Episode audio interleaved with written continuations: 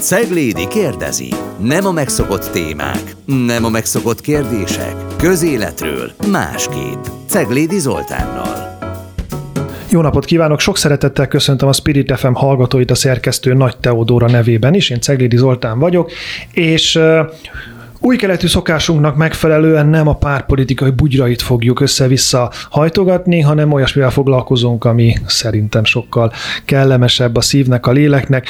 Nem lesz ennyire patetikus a műsor, viszont nagyon örülök, hogy tudunk beszélni valamiről, ami megint csak személyesen érint engem, és ebben az ügyben, ami a könyvekről, az olvasásról szól, Kormos Lili újságíró, az Analóg Mozgalom alapítója lesz a segítségemre. Köszönöm, hogy elfogadtad a meghívást. Köszönöm, hogy meghívtál, és köszöntöm a hallgatókat is. No, a személyes ügy az, hogy a mögötted lévő hátizsákomban van egy e-könyvolvasó, amit hát ilyen, hogy mondjam, ilyen, ilyen, skar, ilyen, ilyen rejtes karlátbetűként viszek magammal, de aki látná, az kicsúfolhatna. Szerinted látszik a hátizsákodon, hogy benne van? Van egy ilyen érzésed, hogy mész és süt a hátizsákodból, hogy ott egy e-könyvolvasó? Bennem, bennem van egy érzés, hogy ott viszek magammal, mm. nem tudom, több tucatnyi könyvet, és hogy ha nem is hiába vásároltam meg, de az egészen biztos, hogy nem, hogy mondjam, nem napi szinten használom. Vészhelyzetben veszem csak el az elkönyv olvasómat. Általában úgy néz ki a dolog, hogy ha rövidebb távra megyek, akkor mások, nem ez, de mások podcastjait hallgatom. Ha hosszabb távon megyek, és van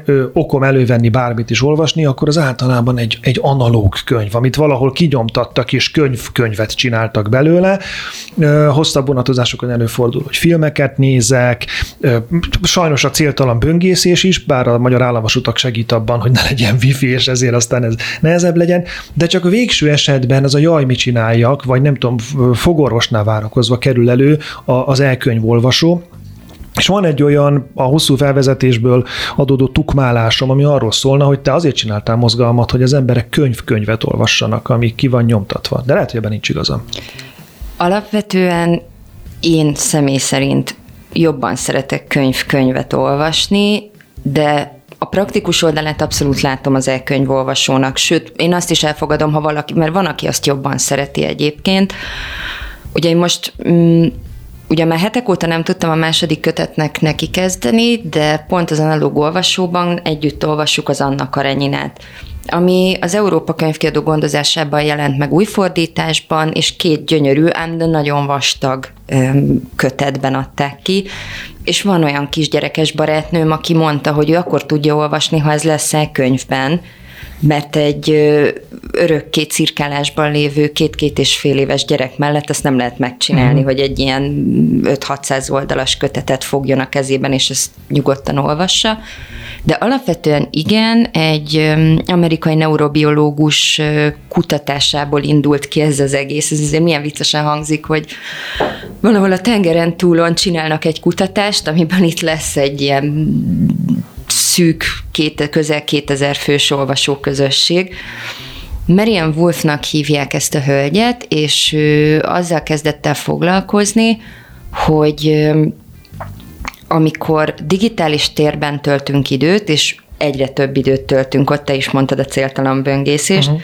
és ott fogyasztunk szöveges tartalmat, akkor ugye nagyon sok hatás ér bennünket egyszerre. Egyrészt ott van a nyomás, hogy csak amíg ezt az egy cikket elolvasom, addig kijön tíz másik, legalább ilyen fontos, legalább ilyen érdekes, és, és nem is biztos, el. hogy elolvasom a szó hagyományos értelmében. Hát pontosan erről van szó, mert hogy ettől a pörgéstől, meg ettől a nyomástól az van benned, hogy nincs idő végigolvasni, és keresed, amiben a hírportálok is segítenek egyébként, keresed a kiemelést, az idézetet, a döltbetűs részt, a vastagon szedettet, hogy hol van, a, hol van az a pont, ahol te választ kapsz arra a fő kérdésre, amiért ezt az újságcikket megnyitottad. Mondok egy példát játszik X csapat egy meccset Y csapattal, és Y csapat nyer.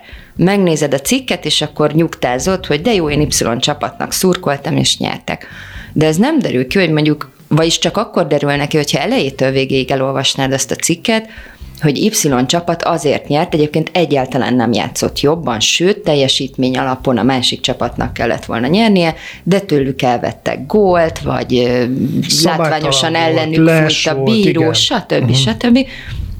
És hogyha ezt végigolvasod, akkor egyfelől ebben az egy direkt esetben komplex képet kapsz erről a meccsről. Másfelől meg ugye elsajátítasz egy olyan gondolkodásmódot, hogy differenciáltan nézzél dolgokat, hogy végig gondolt, hogy nem csak önmagában a végeredmény van, nem csak, nem csak az áll, ami, ami éppen megtörtént, hanem annak van előzménye, következménye, különböző hatások, és hogy ez veszik el, ezt úgy hívják, hogy scam reading, nem, nem scan reading, hanem jól mondtam, uh-huh. embetűvel scam, scam reading, igen. amikor csak így futsz végig a szövegen, és szűröd ki belőle a lényeget. Van, amikor ez hasznos lehet, van, amikor tényleg... Ha fölkészülnél záróvizsgára. Például, igen, igen. De hogy, de hogy alapvetően minél több időt töltünk a digitális térben, minél több szöveges tartalmat fogyasztunk így, annál inkább kopik el egy olyan kognitív képesség, ami viszont nem hogy kopik, de egyenesen erősödik, hogyha nyomtatott folyószöveget olvasunk. Igen, és van még, van még két érvem a, a, a digitális szövegfogyasztás ellen. Az egyik a, a végtelenség, ami ugyanakkor uh-huh. a, a priorizálást is megszünteti. Tehát, hogy mindig tudok kattintani még valahova, még lesz, mindig lesz belőle valami, és ezért semmi nem tud kiemelkedő lenni, nagy lenni, semmi nem tud lezárulni, véget érni, nem tudok visszavonni, hogy na, ez megvolt, ezt befejeztük, akkor most történjen bennem is valami, és ezért egy szintre helyez mindenkit. Ugye a Facebook üzenőfal a legrosszabb ilyen szempontból, Igen. egy rossz hont szóvic, és mellette egyébként egy korszakos találmány, az ugyanolyan módon jelenik meg. Na most a, a másik fele pedig ennek, hogy elveszi tőlem azt a képességet, annak a gyakorlását, mint hogy az ember nem használ bizonyos izomcsoportokat uh-huh. a mhm. hétköznapokban, hogy egy folyó szövegből hozzak létre magam számára egy világot. Én a, a, ugye a, a, az interneten oda teszi a képet mellé, a videót mellé, a kiemelések, a legjobban, amit utálok, ezek a, a színes alapon kiabáló nagy fehér buta betűk. Ehhez képest egy könyv, egy nyomtatott könyv, az szöveg betűk vannak egymás után, és a te dolgod, a te agyadnak, a képzeletednek a dolga, hogy összerakjon belőle valamit. És de amikor ez mozgásba lendül, akkor olvasol igazán, gondolom én. Hát ez, a, ez az egyik legjobb része szerintem az olvasásnak. Persze ez nem tudom, biztos megoszlik, ahogy nem tudom, a francia krímesből is van, aki a krímet szereti, van, aki a ropogós tetejét, tehát hogy biztos mindenki más Olyat ismersz, aki az alját? Létezik, létezik olyan szerintem szomorú ember? A francia krémes neked persze jól le van sülve, kicsit karamellizálódott, mm. szerintem az, az egy elég jó dolog tud lenni. Itt jegyezzük meg, hogy egyébként már a bemutatásnál elmondtam, de Kormos Lili az gasztrocikkek garmadát is elkészítette már. Gastrointerjú. Gastrointerjúkat, bocsánat, igen, igen nem főzöl, van. hanem emberekkel beszélgetsz, akik főznek. Igen, igen, ez így már sokkal pontosabb. Jó. Um, szóval, hogy az olvasásban is biztos mindenki máshol találja meg, tudod azt a, nem tudom, azt a püspök falatot, amit uh-huh. a mhm. legjobban szeret benne. Szerintem az az egyik csúcspontja az egésznek, amikor uh, olvasol, és egészen konkrétan megképződik előtted az a világ, vagy, vagy szinte mm, mondjuk olvasol egy karakterről, és hangot is tudsz társítani Igen. hozzá. El tudod képzelni, hogy milyen hangja lenne. Ez a legjobb része szerintem. És a legrosszabb a filmben nem olyan játszott. Az biztos, igen. Hát de akkor legalább el lehet mondani, hogy a könyv sokkal hmm. jobb volt. Igen. És hogy a Wolfnak van egy könyve, az a cím, hogy Reader Come Home, az olvasó gyere haza, ez azt hiszem magyar fordításban még nem jelent meg, de hogy ebben ír egy, azt hiszem nem reprezentatív kutatásról az egyetemi csoportjával csinálta meg, hogy elfelezte őket, és akkor nem tudom, mondjuk vannak 20 a csoportban, akkor 11 novellát papíron kaptak, meg 11 könyvolvasón, és arról számoltak be, hogy akik elkönyvolvasón olvasták a szöveget, azok nem érzékelték, vagy nem tudták úgy érzékelni, hogy hol tartanak uh-huh. vele, eleje, közepe, vége, hogy van hátra. Ja, azt ne is felfeled, az iszonyú, amikor átállítom a betűméretet, és hirtelen máshol tartok, mert hogy átszámozza igen. az oldalakat is, igen. Bocsánat, folytasd. És hogy hát, ö, ha belegondolsz, mondjuk csak a legplastikusabb példát megragadva ebben, ha egy krimit olvasol, és mondjuk látod, hogy 50 oldal van hátra, akkor azért már tudod, hogy közel a vég kifejlett, hogy itt lassan lezárul valami. De ha azt látod, hogy 100 oldal van hátra, akkor még elkezd mozogni az agyat, hogy itt még lesz egy csavar, itt uh-huh. még mhm. fog történni valami, és vajon mi történhet? Vagy, vagy épp mondjuk egy um, olyan sztorinál, ahol nem biztos a, a boldog befejezés, de te azért nagyon szurkolsz a főhősnek, hogy révbe érjen. És akkor látod, hogy még túl sok van hátra, akkor elkezdesz aggódni, hogy ne, nehogy itt még valami közbe jöjjön. Szóval ez, ez egy ilyen nagyon érdekes jelenség.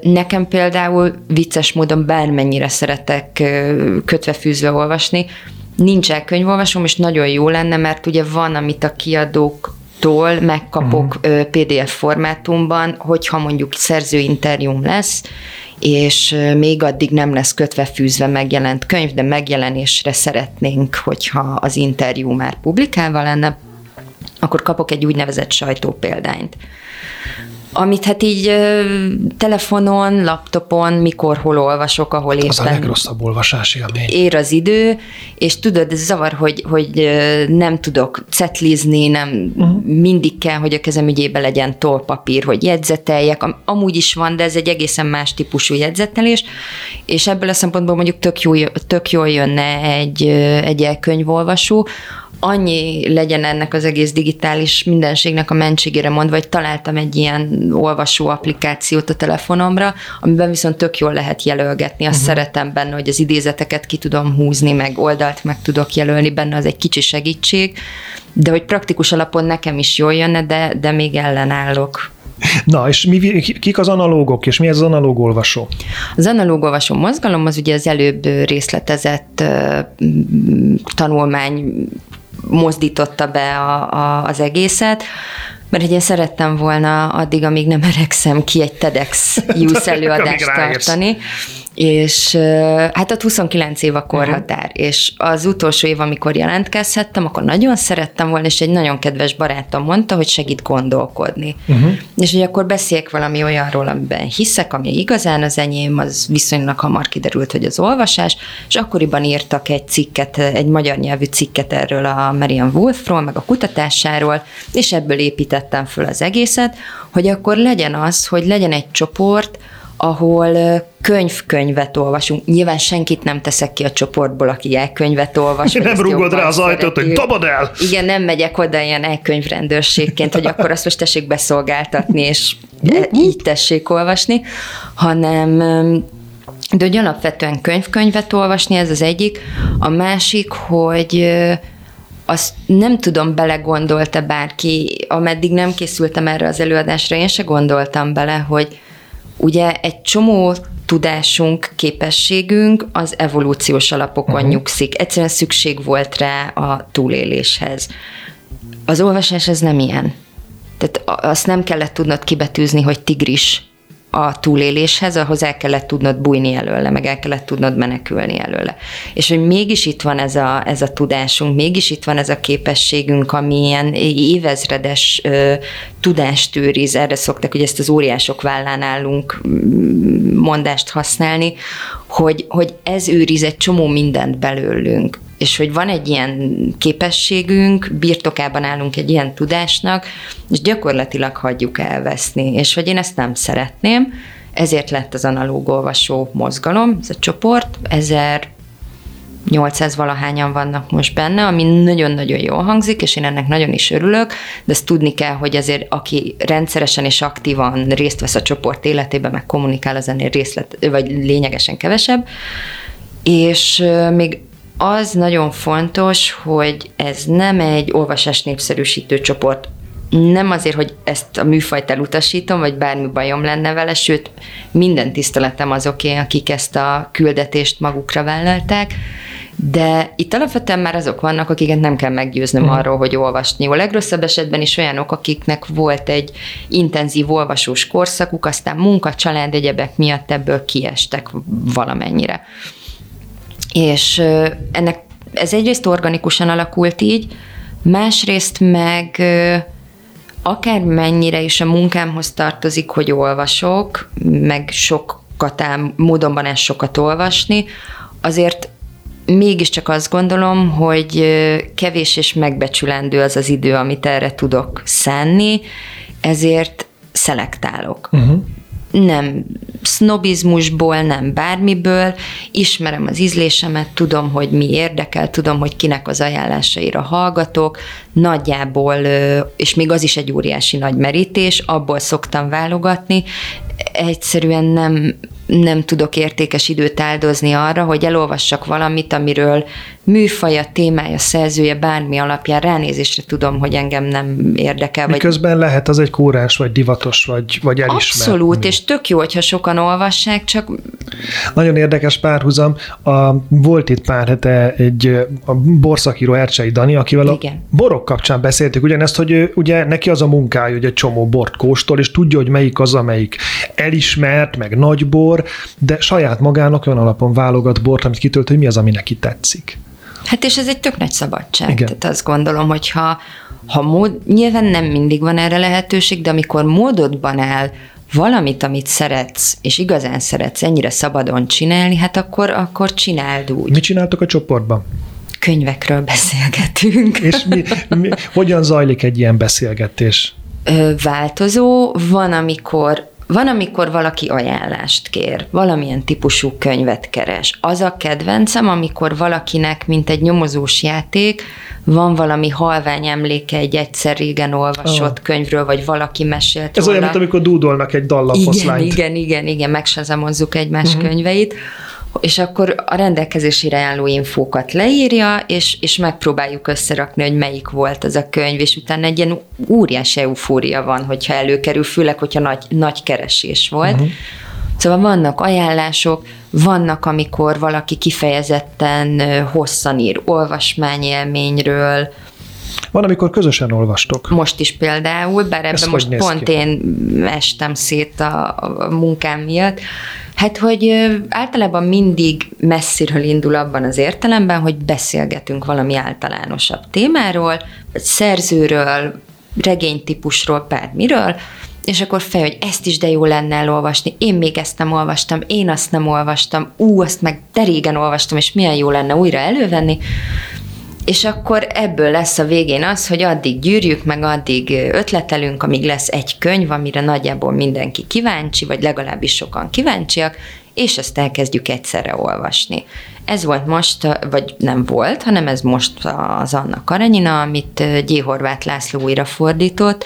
Egyébként szerintem nagyszerűen, mert miközben egy percig sem érzett túl modernnek, vagy ilyen korából kilógónak a szöveget, a közben meg nem akadsz el olvasás közben, hogy de ez a szó, ez most mit is uh-huh. jelenthet, vagy hogy hú, de bonyolult mondatszerkezet, ez mit kezdjek vele. Nem távolít el magát hanem a történettől. Nagyon szép, nagyon organikus, de közben meg tényleg ez egy gyönyörű szöveg.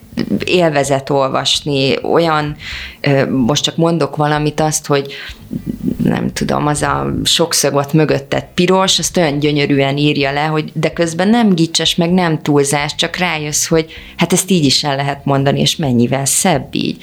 És akkor az Anna Karenyinát elkezdtük együtt, én az első kötethez írtam egy időrendes ilyen heti bontást, Igazából mindenki a saját tempójában olvashatja, ezt az ilyen, azt hiszem négy részre vagy öt részre osztottam fel a regényt, ezt azért csináltam, hogyha valakinek nagyon ki van centízve az ideje, vagy nagyon fontos, hogy lássa, hogy épp mennyi időt tud olvasásra szánni, annak legyen egy ilyen mankó, hogy mondjuk a héten, most csak mondok, amit száz oldalt abszolváljon ebből a könyvből. Arról nem beszélve, hogy aki mondjuk alapvetően szeret olvasni, de kiesett belőle, annak szerintem ez egy segítség, hogy na akkor, akkor most minden nap fogok olvasni uh-huh. valamennyit ebből, hogy a hét végére meglegyen a száz oldal. És akkor nem az van, hogy nyomasztják, hogy de hát olvasni kéne, meg nem olvasol eleget. Igen, ez az analóg duolingo. igen, igen, jó, a duolingo, igen, a, a passzív-agresszív e-mailjeivel hogy, hogy szomorú a kis zöld teremtmény. Szóval, hogy, és ezt tudom, hogy fontos, mert még azt gondolnám, hogy én immunis vagyok erre, de nem, tehát még engem is lehet ezzel nyomasztani, uh-huh. ezzel az egész olvasás mizériával, ha nem nyomasztom magamat amúgy is. Úgyhogy ilyen heti bontás van, és akkor onnantól kezdve mindenki bármikor küldhet bejegyzést, vagy írhat bejegyzést arról, hogy mik az élményei, hol tart, talált egy szép idézetet. Annyit, két dolgot kértem, az egyik, hogy használják az Anna Karenina hashtaget, hogy ezek a bejegyzések kereshetőek legyenek a csoporton belül. A másik, hogyha olyat írnak, akkor, akkor jelezzék a, a spoiler veszélyt, hogy aki, uh-huh. hogy itt tartok, és most erről fogok írni, és aki még nem tart itt a regényben, az óvatosan olvasson tovább, hogy senkinek az élménye ne romoljon el. De igen. egy elég demokratikusan megy az. Igen, gondolom. igen, igen. A, Tóth Edunak Duma Színházban volt egy ilyen vágya, hogy olyan, olyan jegyszedő lenne, hogy be, belépi, gonosz jegyszedő belépéskor elmondaná, hogy mi a film vége. A szünetig, szünetig van bő egy percünk, úgyhogy föl kell tennem a, a legközhelyesebb, leg, leginkább obligált kérdést könyvolvasás kapcsán, de szerencsére múlt időben, hogy igaz-e, tehát hogy, hogy, hogy visszaigazolható-e a Harry Potter hatás, most már így történelmi távlatból, és, bejö, és ha igen, bejött el helyére azóta más. Mire gondolok?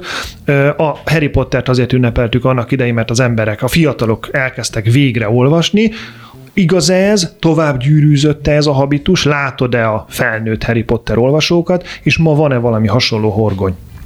Abszolút igaz. Nekem is egy, egy nagyon-nagyon meghatározó élmény volt a Harry Potter. A, abban tapasztaltam meg legelőször azt hiszem, hogy mennyire jó belefeledkezni uh-huh. egy történetbe. Pedig előtte, mit tudom én, én szerettem a tüskevárat is, vagy szerettem a, a Mici Mackót, főleg mert vicces volt de hogy, vagy, vagy a titkos kertet. De hogy a Harry Potter sorozat adta meg először azt, hogy, hogy így belemerülsz, és így nem tudod, úgy érzed, nem tudod kivárni az új kötetet, uh-huh. és ráadásul én pont az a generáció vagyok, aki együtt nőtt a szereplőkkel, tehát ja. nekem minden évben jött egy új kötet, és így együtt nőttünk föl Harryvel meg a barátaival, és abszolút látom is a Harry Potter generációt, tehát hogy az, menny, az az én korosztályomból mennyire sok mindenkinek egy meghatározó élmény, nagyjából ugyanebből a szempontból, amit én is elmondtam, azt, hogy van-e most valami a helyén, azt ugyan nem tudom, de nem merem azt mondani, hogy nincs, mert pont ezt a kamaszkorosztály célzó irodalmat viszonylag kevésbé ismerem. Tehát éppenséggel lehet, hogy van most is Harry Potter, de nem tudnék egy, egy konkrét címet mondani. A második részben viszont több konkrét címet is fogsz mondani, mert azt kértem, hogy akkor legyen egy ilyen bevezetőnk azt illetően, hogy mit kell idén olvasni, vagy mit javasolt idén olvasni az embereknek, lehetőleg analóg módon, úgyhogy maradjanak velünk a szünet után is is. Ceglédi kérdezi. Nem a megszokott témák, nem a megszokott kérdések. Közéletről másképp. Ceglédi Zoltánnal. Folytatódik a Ceglédi kérdezi a Spirit fm a vendégem továbbra is Korvas Lili újságíró, az analóg olvasó mozgalom alapítója. Az első részben általában beszéltünk arról, hogy mit olvasunk, hogyan olvasunk, miért olvasunk. Itt a második részben pedig azt arra készülünk, hogy konkrét könyveket ajánlunk erre a szezonra, idénre, mik azok a friss olvasnivalók, amelyekkel, hát ugye Lilivel átbeszéltük előtt, hogy miket érdemes ide tenni, és hát lesz, amiben meglepetést okozunk, lesz, amiben nem. Szerintem a, az kisebb meglepetés, hogy Grecsó Krisztián valami népi című könyvét ajánlod, amivel kapcsolatban nekem ugye nyilván nem tudok még erről a könyvről semmit, de hogy, hogy a, a cím az, az vajon egy ilyen önfricska, vagy egy ilyen önparódia is akar lenni? Tehát, hogyha... Még én nekem sincs teljes uh-huh. képem, mert csak elkezdtem olvasni a, a könyvet, ráadásul szakaszosan tudom olvasni, de én azzal a felütéssel vettem kézbe, hogy a Greccio Krisztián szerintem, nem csak szerintem, elég ha végignézünk az életművén, a vidéket, a vidékiséget, a vidéken felnövés történetét sokszor sokféleképpen ö, ö, megírta már, és hogy talán most ebben a könyvben beszél erről a legdesztilláltabban, vagy, a, vagy az ilyen leg, legelemibb, legzsigeribb módon. Ez, ez lehet, hogy időkérdése is hogy, hogy mikor, hol tart ezzel a háttér, honnan jövök történettel egy ember önmagában. Mert ugye a, a Grecsónál van nekem az érzésem, hogy olyan, mint az ACDC. Tehát, hogy, hogy tulajdonképpen tud valamit jól csinálni, és azt csak a kekecek rólják föl neki, hogy miért nem valami teljesen más műfajban alkot, meg vannak nyilván side projektek, ahol igen, de hogy alapvetően a, a, azt hiszem az Angus Young volt az, akit megvádoltak, hogy hát 13 ugyanolyan ACDC lemezt csináltatok, és hogy kikérte meg, hogy nem igaz, 14 ugyanolyan ACDC lemezt csináltunk. és hogy a, a Grecsó esetében is az van, hogy tudod, hogyha olvasod, hogy akkor ez Grecsó. És azt is tudod kalkulálni, hogy körülbelül mi az, amit, amit legalábbis atmoszférában át akar adni, el akar mondani. Engem érdekel az, hogy tart-e ő már ott, hogy tudjon, hogy mondjam, magán is viccelődni.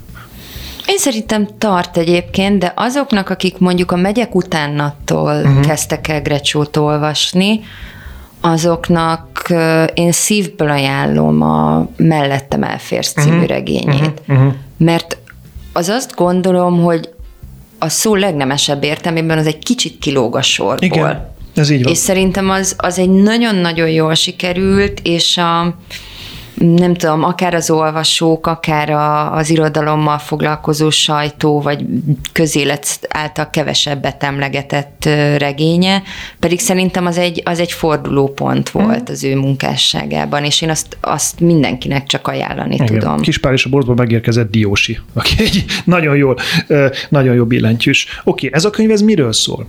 Ezek novellák, novellák. elbeszélések. Úgyhogy akinek van, azt gondolom, hogy akinek van a saját életében vidék tapasztalata, uh-huh. bármilyen, akár onnan jött, akár ott nőtt föl, akár az élete egy, egy időszaka ö, oda kötötte, az, az nagyon meg fogja találni magát ebben a szövegben, vagy lesz olyan pill- ezekben a szövegekben, vagy lesz olyan pillanata, amikor tudod, így rá fog bökni, hogy ezt ismerem, ezt, uh-huh. ezt pontosan tudom, hogy mi. Igen, igen, igen. A következő könyv, amit ajánlottál, az Ház Jánostól az Apám óriás lesz. Ezt nemrég olvastam, ezt a könyvet, és Jánosnak ezelőtt egy gyerekverses kötete jelent meg, a Mire felnövünk, és ez egy ilyen verses történet, mert egy, egy komplet sztorit mesél el, és az a kiinduló pont benne, hogy egy kisfiúnak a, az anyukája beteg lesz, rákos beteg lesz, és kórházba kerül. És az ilyen gyerekpozícióból induló, vagy gyerekpozícióból elbeszélő felnőttek eltett, ki más írne, felnőttek írják ezeket a történeteket, Szóval ezeknél a történeteknél mindig egy kicsit óvatos vagyok, mert annál a hamisságnál rosszabb, amikor azt érzed, hogy hát most egy felnőtt elképzelte, hogy beszélne egy gyerek, uh-huh. ennél csak az egy rosszabb, amikor egy felnőtt elképzeli, hogy beszél egy kamasz. Uh-huh. Howdy. Például, igen.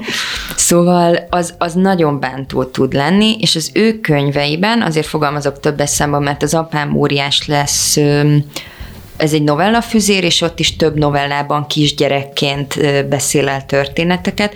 Nincs ez a hamisság. Uh-huh. Aki akarja, belemagyarázhatja, de annak valószínűleg az egész műfajjal van problémája, amikor gyerekpozícióból szól egy történet, ez is létezik, de hogy nincs hamisság, és, és az apám óriás lesz, az, az egyrészt egy kicsit más fénytörésbe helyezi a mire felnövünket, mert ben nagyon nagy részt János életéből táplálkozik, azért van rengeteg fiktív elem is benne, és ő mondta el a könyv bemutatóján, hogy milyen érdekes az emlékezet ilyen szempontból, hogy ők voltak egy magyar-holland selejtező meccsen az édesapjával Budapesten, és neki szikla szilárd, emlékképe volt, hogy a holland válogatottból ki, milyen technikával és honnan lőtt gólt, amivel megverték a uh-huh. magyar válogatottat.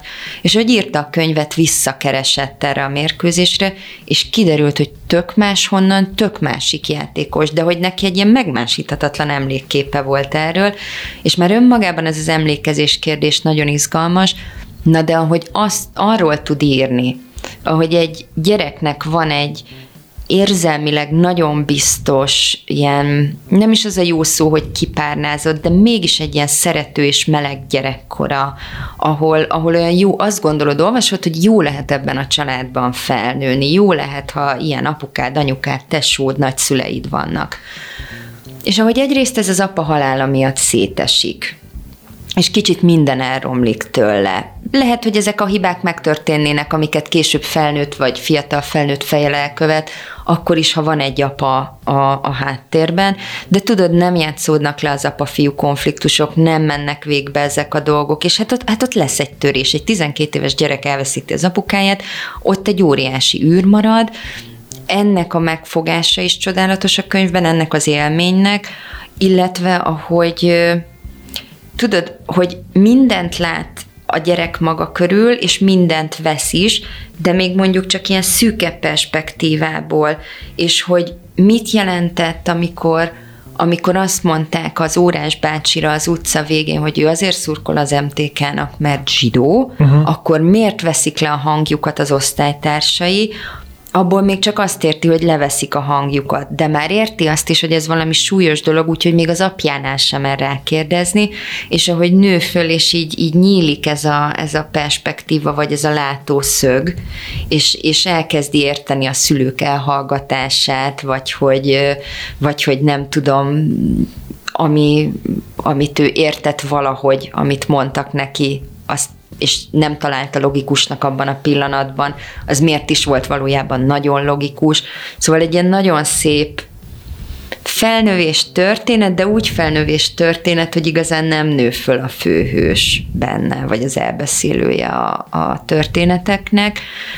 Ráadásul központi elem a, a foci benne, uh-huh. és de hogy, a, ahogy ez ilyen apa-fiú dologgá válik hogy együtt mentek meccsre, együtt olvassátok a népsportot, hogy az volt a közmegegyezéses neve, uh-huh. vagy hogy mennyire uh, János Gyulán nőtt föl, de szándékosan nem Gyula szerepel a könyvben, hanem teremt egy, egy fiktív kis települést ez a történethez, hogy mondjuk a 70-es évek végén, 80-as évek elején nem, hogy külföldi csapatnak nem szurkoltál, mert nem volt úgy hozzáférésed a mhm. nyugati focihoz mondjuk, de még a Rába Etónak se szurkoltál Gyuláról, uh-huh. vagy a könyvben Körösvár szerepel Körösvárról, mert hogy tulajdonképpen a, a nem tudom, a Enfield Road Liverpoolban, az körülbelül ugyanolyan távolságra, meg ugyanolyan relevanciára volt, mint a Rába Etó. Beszéljünk egy picit akkor a, a, az ábrázolás és a, a fikció szerepéről, mert ez engem nagyon régóta érdekel, meg egy része egyébként, és szubjektív, az még zavar is. Tehát zavarni, tehát Márainál sokkal jobban szeretem a naplót, mint a fikciós szépirodalmat, mert tudom, hogy amiről ő szépirodalmat ö, ö, kerekít, azt illetően, és neki vannak valós élményei, de direkt átnevezi, mint itt a települést, meg direkt más környezetbe helyezi, hogy hát az legyen, de mégse az. A Grecsónál ugye a plegyka anyuból még bírósági eljárás Igen. is lett, ahol ugye azt bizonygatták a, a, a szereplők, akikről, már mint a valós szereplők, akikről mintázták a könyv szereplőit, hogy hát én nem is ilyen vagyok, én nem is ezt csináltam. És ugye úgy áll a dolog, hogy tényleg nem, mert a kellő módon ezeket akkor még nem eléggé, de megváltoztatja. És engem az szokott zavarni, de ez valószínűleg az elemzőjé nem, és nem a könyvolvasó, hogy megtudhatnám azt is, hogy pontosan mi volt, tehát hogy Gyulán mi volt a főtéren, és ehhez képest Körösváron ott nem tudom, hogy mi az, ami, ami ábrázolás, tehát vagy dokumentációs tevékenység, és mi az, amit ő a képzeletével teremt. Igen, de hogy ebbe szerintem van egy olyan faktor, hogy ugye Márai már egy klasszikussá nem esedett uh-huh. szerző, akiről tanulsz, akiről tudsz dolgokat. A, a János, ő egy kortás velünk élő uh-huh. valaki, nem feltétlenül tudott, hogy hol született, hogy hol nőtt föl, hogy hol telt a gyerekkora. Arról nem beszélve, hogy most a, egyébként a saját műveletlenségemről és földrajzi tudatlanságomról fog tanúbizonyságot tenni, de hát ugye valljuk be, hogy nem ismeri az ember ától zég az összes magyar kis települést, uh-huh. kisvárost, falut, nem tudom. Bárkinek lehetne olyan település nevet mondani, hogy azt se tudná, hol keresse a térképen. Most nekem azt mondják, hogy Körösvár, hát éppenséggel el tudom fogadni azt is, hogy miért ne létezhetne uh-huh. egy ilyen, amit nem ismerek, tehát, hogy akármit mondhatnak róla, hogy abban hol van főtér, hol van pályaudvar, készséggel elhiszem. Szóval ebben van egy ilyen nem mindegy, hogy hogy játszol a történettel. Olvastam egy könyvet tavaly, egy nagyon kevéssé sikerült könyvet, amivel nekem az volt nagyon nagy problémám, hogy lehet fiktívé tenni, egy, lehet fiktívé tenni Budapestet. Tehát szerintem írhatsz úgy Budapestről, hogy semlegesíted, és az már nem Budapest lesz, hanem egy nagyváros. Uh-huh.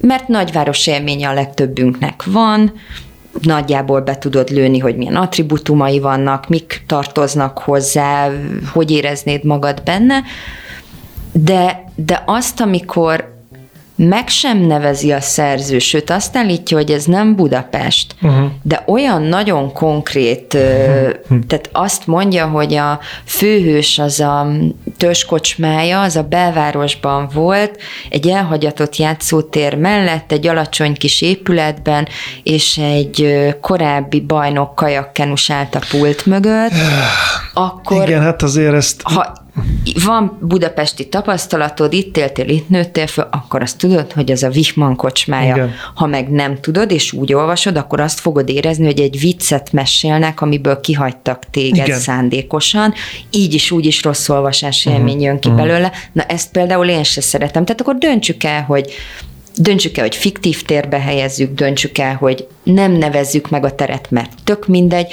vagy akkor ez Budapest, vagy Eger, vagy Gyula, vagy Gyöngyös, bármi, tök mindegy. Jó, a következő könyv az a, az a típus, amit talán a legnehezebben olvasok, Charlotte Woodtól a hétvége. Ami, amit erről tudni lehet, az alapján az a könyv nem nekem való, mert én nagyon nehezen nézek szembe az elmúlással, a uh-huh. romlással. És ugye ez arról szól, hogy van három idős barátnő, 70-es éveikben járnak, és az elhúnyt negyedik barátnőjük talán hétvégi házában raknak Igen. rendet, vagy pakolnak el, és mondom, ez, ez a személyes ügy, tehát, hogy én, én nyilván ugye azért szeretem az olasz konyhát, hogy, hogy én, én, én, én az élet örömért megyek nagyon sokszor ezekbe a helyzetekbe, és nem tudom, de valószínűleg nem értem még meg hozzá eléggé, nem tudom, hogy ebből a, a, a szomorú szembesülésen kívül mi jön még át, mint irodalmi uh-huh. élmény.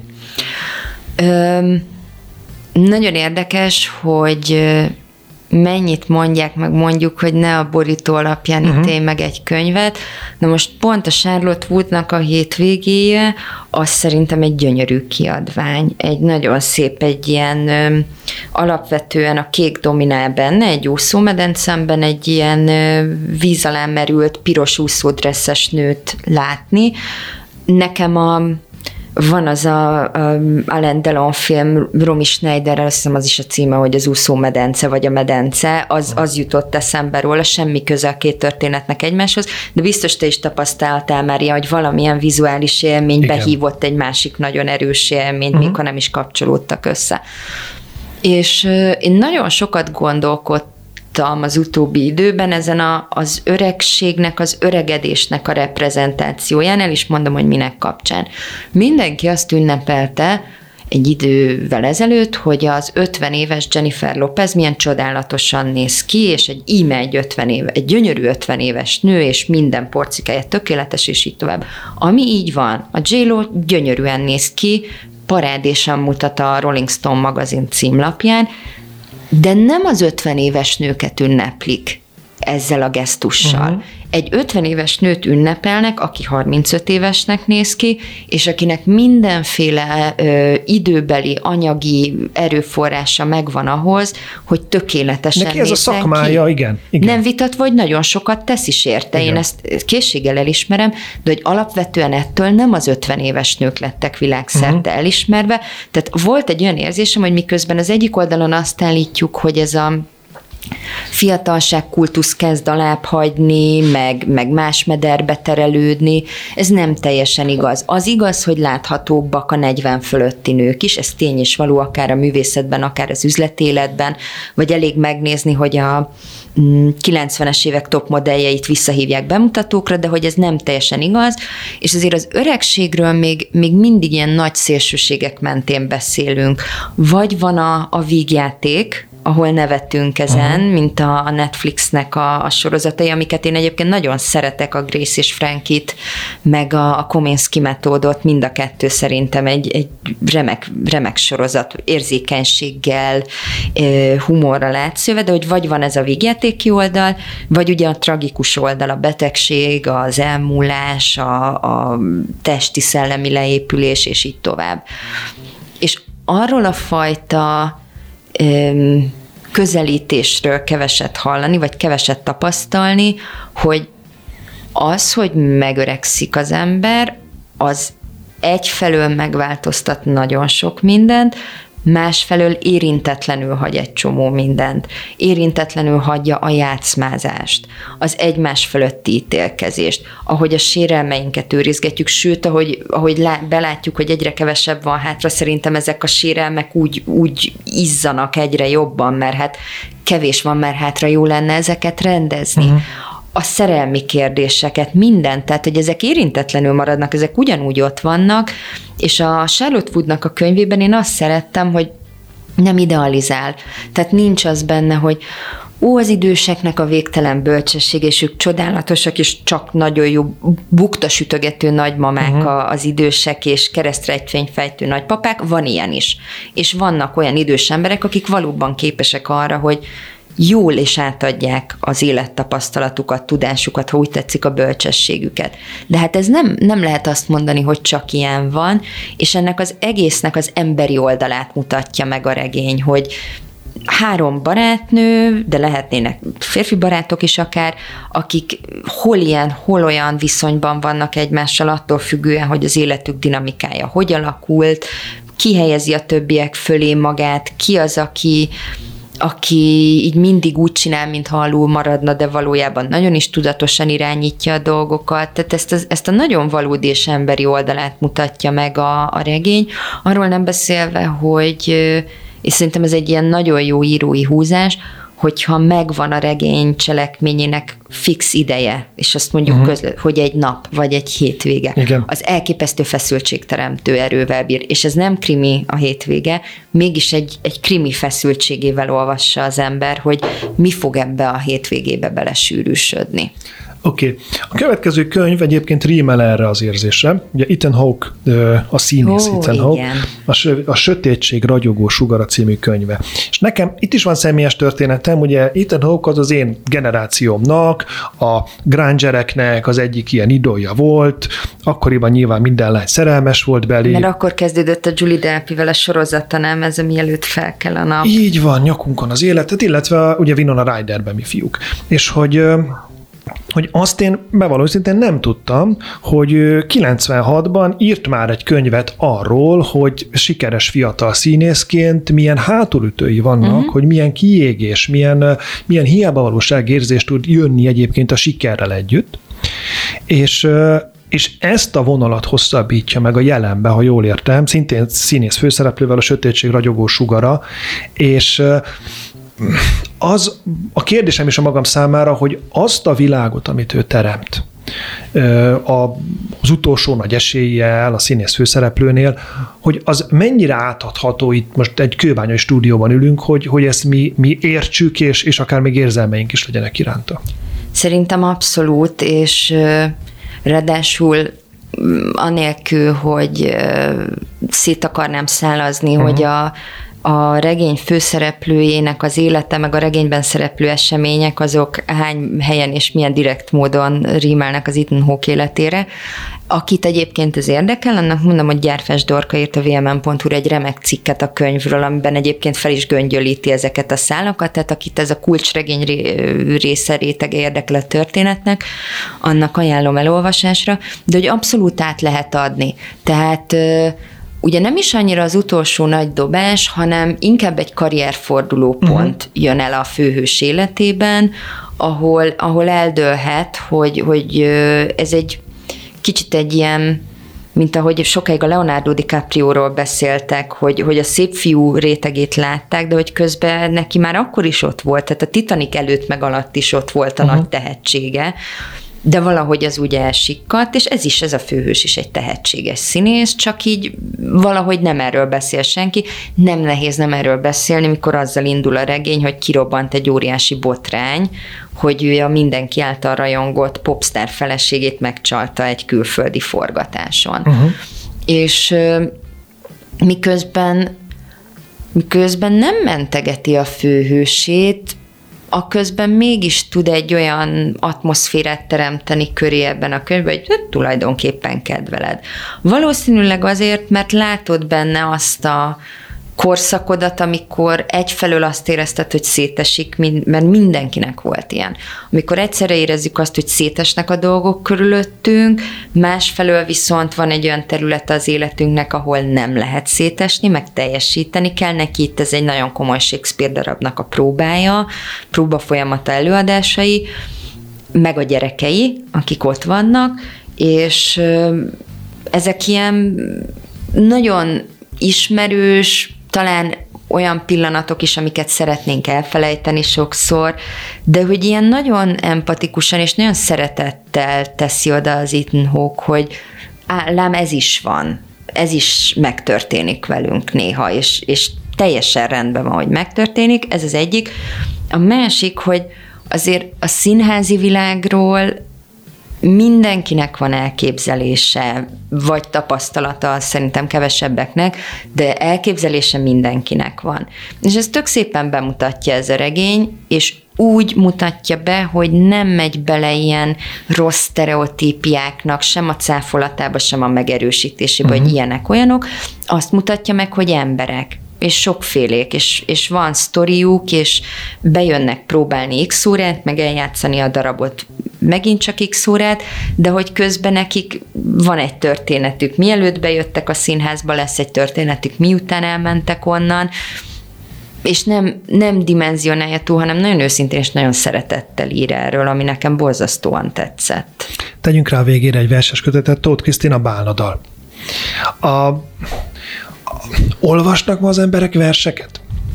Biztos, hogy kevesebbet egyébként, mint, mint kellene, vagy mint jó lenne, uh-huh. de, és az is biztos, hogy én egy szűk keresztmetszetet látok, mert én azt látom magam körül, hogy igen. De alapvetően is azt gondolom, hogy azért olvasnak verseket, mert meg lehet nézni, hogy milyen, mit tudom én, milyen előrendelési hullám indul uh-huh. meg mhm. egy új Simon Marci kötetnél, vagy hogy most uh, ahhoz képest, hogy, hogy uh, egy nem ma élő uh, kortás szerző, még ha időben közel is van hozzánk, a századik évforduló apropóján hányan olvasnak és osztanak meg Nemes Nagy Ágnest a közösségi médiában, Petri György verseket, Pilinszki verseket, tehát hogy azért ez van, ez, ez szerintem jelen van az életünkben. És a Bálnadal? Mit tudunk róla? A Bálnadal az három ciklusból áll, és a, a közép, nagyon érdekes, hogy az első ciklusban vegyesen vannak versek, a második ciklusban haikuk vannak, a harmadikban pedig petrarkai szonettek, ami egy ilyen, ugye ez egy ilyen nagyon érdekes uh-huh. formajáték, ami végig megy a köteten, de hogy nekem pont azt juttatta eszembe, hogy ugye van ez a tipikus általános iskolai gimnáziumi attitűd, hogy mire gondoltak költő. Verset azt mindenképpen meg kell fejteni, meg érteni kell. Van ilyen is, tehát van, mm. van ilyen visszatekerhető vers is, ahol kibomlik, hogy mire gondolt a uh-huh. költő, de nem mindig kell. Tök sokszor meg lehet hagyni a titkot, nagyon sokszor elég, ha, ha érzésekre hagyatkozol, amik felébrednek benned egy vers nyomán, és hogy Például eleve a könyv címe a Bálnadal, ez a titokzatosság, ez a bálnaiének, amivel ők kommunikálnak, de azért nem lehet teljesen megfejteni, és ugye ez ott van a, az új enyedi film a feleségem történetének a nyitóképeiben, hogy a Zsönének az Elveszett Gyerekek Városa című filmjében az erőművész azt mondja, hogy ő bálna vadász volt, de amikor meghallotta a bálna éneket, nem volt képes rá többet, vagy ahogy az utolsó ciklusnak a, de nem csak annak igazából az elsőnek is, de főleg az utolsó ciklusban a szonettek, olyanok, hogy egy pillanatkép, egy egész történetből egy momentum, és mégis tudod, hogy fel tudod vázolni magadban, hogy mi történt előtte, és mi lesz utána és ez szerintem csodálatos, mikor valaki lírában ennyire komplexet tud alkotni. No, nagyon sok könyvről nagyon hosszan tudnánk még beszélgetni, Ó, de a műsoridő az idáig tartott. Én mindenkit arra biztatok, hogy csatlakozon az analóg olvasó mozgalomhoz. Köszönöm szépen Nagy Teodorának a szerkesztői munkáját, köszönöm a hallgatóknak a figyelmet, és főleg köszönöm Kormos Lélek, hogy eljött hozzánk, és mindezt elmondta. Maradjanak továbbra is a Spirit FM-en, viszont hallásra.